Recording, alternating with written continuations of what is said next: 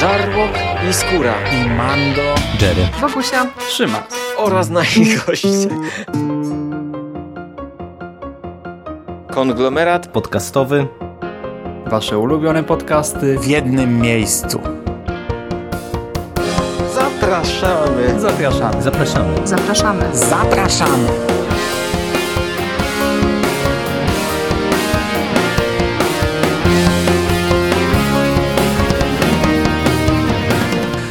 Witam Was, kochani, bardzo serdecznie w kolejnym odcinku konglomeratu podcastowego. E, Z tej strony mówi do Was e, Hubert Spandowski, czyli Mando. Dzisiaj chciałbym porozmawiać chwilę, w kilku zdaniach, o styczniowej premierze Egmontu, o kolejnym komiksie wydanym w ramach serii Marvel Classic, czyli o Daredevilu Franka Millera, a dokładniej tomie pierwszym tego komiksu. Mówię, że będę rozmawiał krótko, ponieważ tak naprawdę nie mam jakoś bardzo wiele do powiedzenia na temat e, tej produkcji i, i myślę, że tutaj nie rozbijemy się do 30-minutowej recenzji. E, Daredevil Franka Millera to jest e, tak jak sugeruje nazwa, absolutna klasyka Marvela. To są komiksy z lat e, 1979-1980.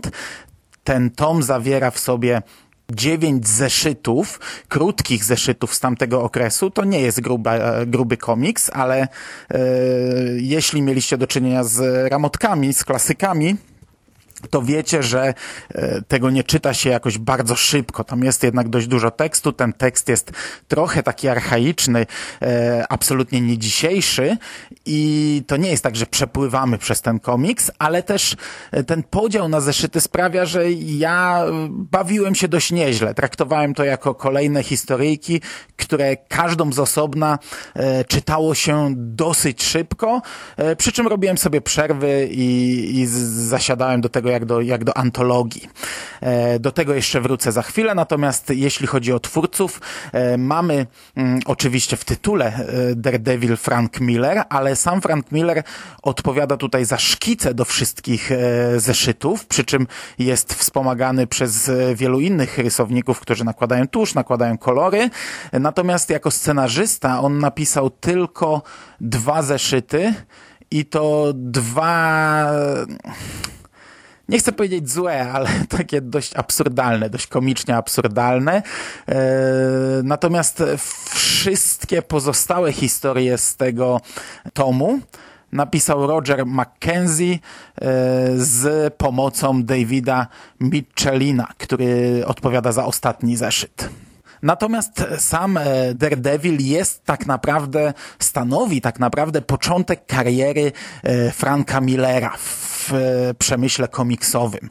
Na sam koniec mamy posłowie, takie jednostronnicowe posłowie, ale szalenie ciekawe, z którego dowiadujemy się wprost ze źródła, w jaki sposób Frank Miller otrzymał tę pracę w pigułce, jak wyglądała wtedy praca w wydawnictwie Marvel. No i oczywiście patrząc e, z tej strony, to jest szalenie ważny, szalenie istotny komiks e, dla fanów komiksu, dla fanów superbohaterszczyzny. Ja nie znam jakoś bardzo mocno komiksowego Daredevila. Tutaj się przyznaję, że czytałem tak naprawdę niewiele komiksów z tą postacią. Nie mam pojęcia, jak to się rozwija dalej. Mówię tutaj o, oczywiście o, o, o tej części autorstwa Franka Millera. Nie mam pojęcia, czy rzeczy, które jakoś tutaj zostały delikatnie zarysowane, mają potem e, duży wpływ na, na, na, na przyszłość tego. No tego dowiem się e, wraz ze, ze śledzeniem tej serii. I teraz tak, pomimo tego, że Powiedziałem, że to jest e, taka antologia. No, każdy zeszyt opowiada nam jakąś inną krótką historyjkę. To mimo wszystko wiele wątków przechodzi tutaj z zeszytu na zeszyt i też e, niektóre historie są rozpisane na kilka zeszytów. Na przykład e, konfrontacja z Bullseye'em zajmuje dość dużą część e, całego tego komiksu. Wątki romantyczne Mata Mardoka w zasadzie mm, są kontynuowane przez cały ten tom. One może nie są jakoś szalenie dobrze moim zdaniem rozpisane, bo mamy e, tak naprawdę dwa związki tutaj. Najpierw związek z Czarną Wdową, który kończy się no tak miałem wrażenie, jakby to, to, to zostało napisane na kolanie tak naprawdę w jednej linijce. Tam są bodajże trzy rysunki i tam dochodzi do takiego przewrotu w, w, w tych relacjach pomiędzy tymi dwoma postaciami, chociaż sama końcówka tego zeszytu jest fajna, jest, jest ciekawa, no ale ta, ta, ta przemiana nagle, to, to przejście jest, jest trochę nienaturalne. Mamy związek z Heather, e, dziewczyną, od której, byłą dziewczyną e, Mata, do której e, Matt wraca gdzieś tam na przestrzeni tego komiksu. E, mamy też taki wątek, który jest zarysowany w pierwszym zeszycie w tym tomie, bo tak naprawdę jest to 158 zeszyt Daredevila yy, z dziewczyną na wózku inwalidzkim. Ja nie mam pojęcia, czy to potem jakoś jeszcze powróci, ale to zostało całkowicie urwane. Jest więcej yy, takich elementów, które gdzieś tam yy, przewijają się przez cały komiks. Na przykład całe dziennikarskie śledztwo Bena, który odkrywa tożsamość Daredevila.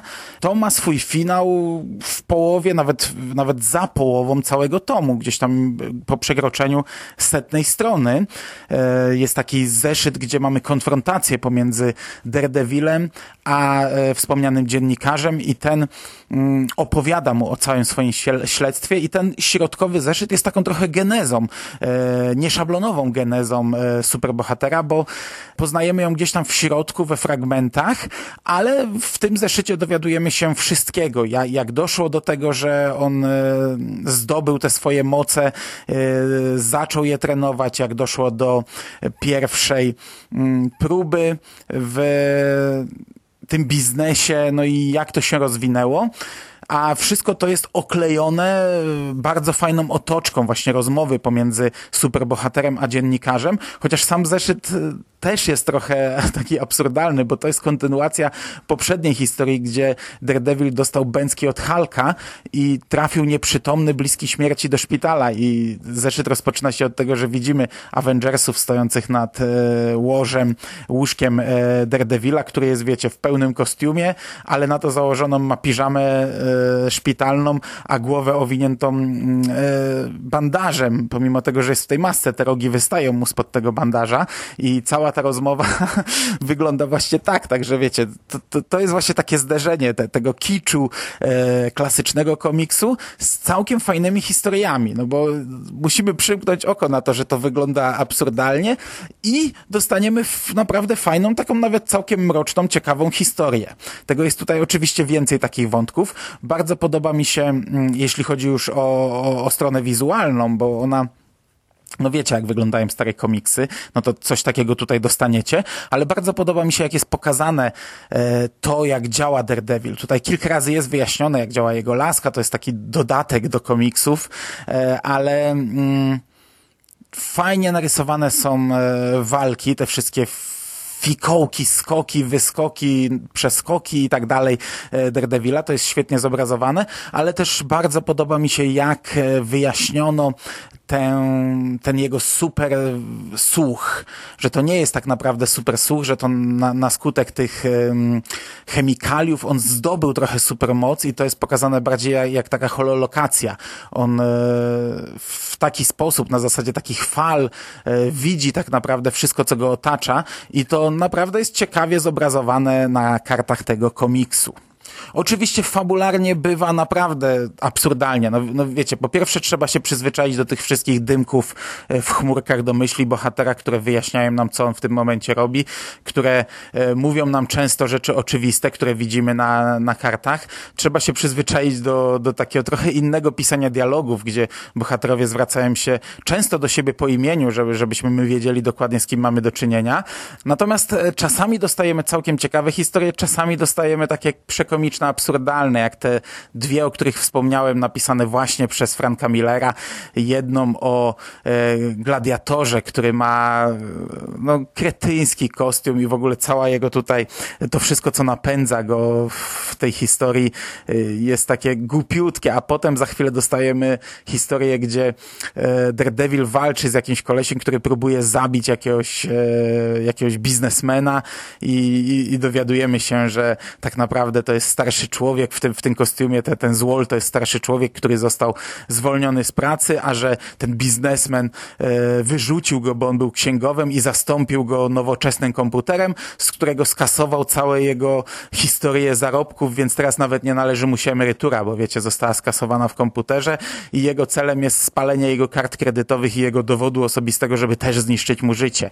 E, kretyńska, głupia, absurdalna po prostu historia, która kończy się dramatycznie, smutno I, i, i właśnie w tym komiksie mamy takie zderzenie tego kiczu, klasycznych starych ramotek z całkiem fajnymi rzeczami. Wizualnie oczywiście, wiecie, kiczowate kolory, e, bardzo uboga paleta barw, jak to w starych komiksach, ale też e, zwrócono uwagę, mocno podkreślono brudne otoczenie i, i, i ten wygląd Hell's Kitchen bije trochę z tego komiksu i to jest fajne. Mamy bardzo fajne okładki, wiecie, ten komiks jest e, podzielony tymi okładkami, to są klasyczne okładki zostawione w oryginale, e, no bo to, to nie dałoby się raczej tego inaczej zrobić, bardzo dobrze to wygląda. E, z postaci pobocznych przekomiczną postacią jest, jest Fogi. Jeśli e, jesteście odbiorcami Daredevila tylko i wyłącznie bazującymi na serialu Netflixa, no to będziecie naprawdę zaskoczeni, ja, ja, jak, jak głupiutką postacią, taki wiecie, grubasek, którego na przykład jedynym zadaniem w danym zeszycie jest przewrócić się, żeby tam ha, ha, ha, wywołać śmiech albo zgubić coś e, w jednym komiksie właśnie autorstwa Franka Millera. On e, dostaje trochę większą rolę, ona też jest taka głupiutka, prześmiewcza, grubasek, śmieszny, wesołek, ha, ha, ha, nie?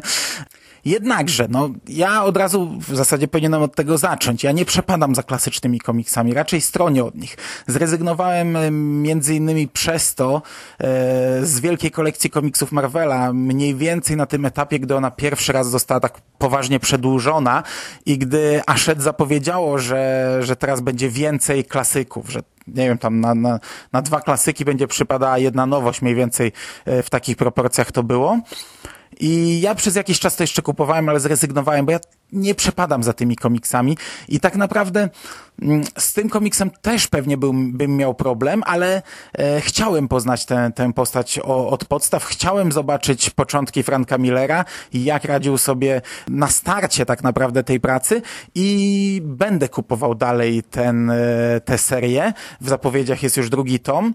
Ponieważ mimo wszystko, no wiecie, gdy już się przełknie to, gdy już, gdy już się przyzwyczaicie do tego sposobu narracji, do sposobu pisania, do, do wizualnej strony tego komiksu, to się czyta całkiem przyjemnie. Poznajemy całkiem fajną historię fajnego superbohatera, oczywiście z wieloma dziwnymi motywami, ale z tego wszystkiego da się wyrwać, da się wyszarpać całkiem ciekawe rzeczy. I ja chcę poznać to dalej, ja chcę zobaczyć jak pociągnął to dalej Frank Miller, jak to się rozwinęło i skonfrontować to z późniejszymi komiksami e, o Daredevilu. I oczywiście, no ciężko mi wam to, tak wiecie, z czystym sercem polecić, bo musicie zdawać sobie sprawę, co to jest za komiks. E, nie brać tego raczej w ciemno, tylko wiedzieć, na co się piszecie. Jednakże, jeśli to wam nie przeszkadza, to jak najbardziej polecam. Dostaniecie coś, nietypowego, jeśli na przykład e, jesteście odbiorcami tylko komiksu współczesnego, dostaniecie kawał świetnej historii, kawał, wiecie, historii e, wydawniczej komiksu, kawał historii, jeśli chodzi o ikony tworzące komiks superbohaterski oraz całkiem przyjemną lekturę, która momentami naprawdę was rozbawi i to tak dosyć mocno, a momentami da wam fajne podbudowy dla tej postaci. To by było na dzisiaj wszystko. Ja Wam bardzo dziękuję za uwagę. Trzymajcie się ciepło. Do usłyszenia. Cześć!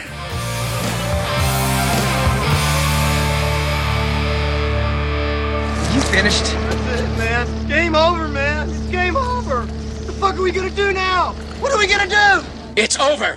Nothing is over! Nothing! You just don't turn it off!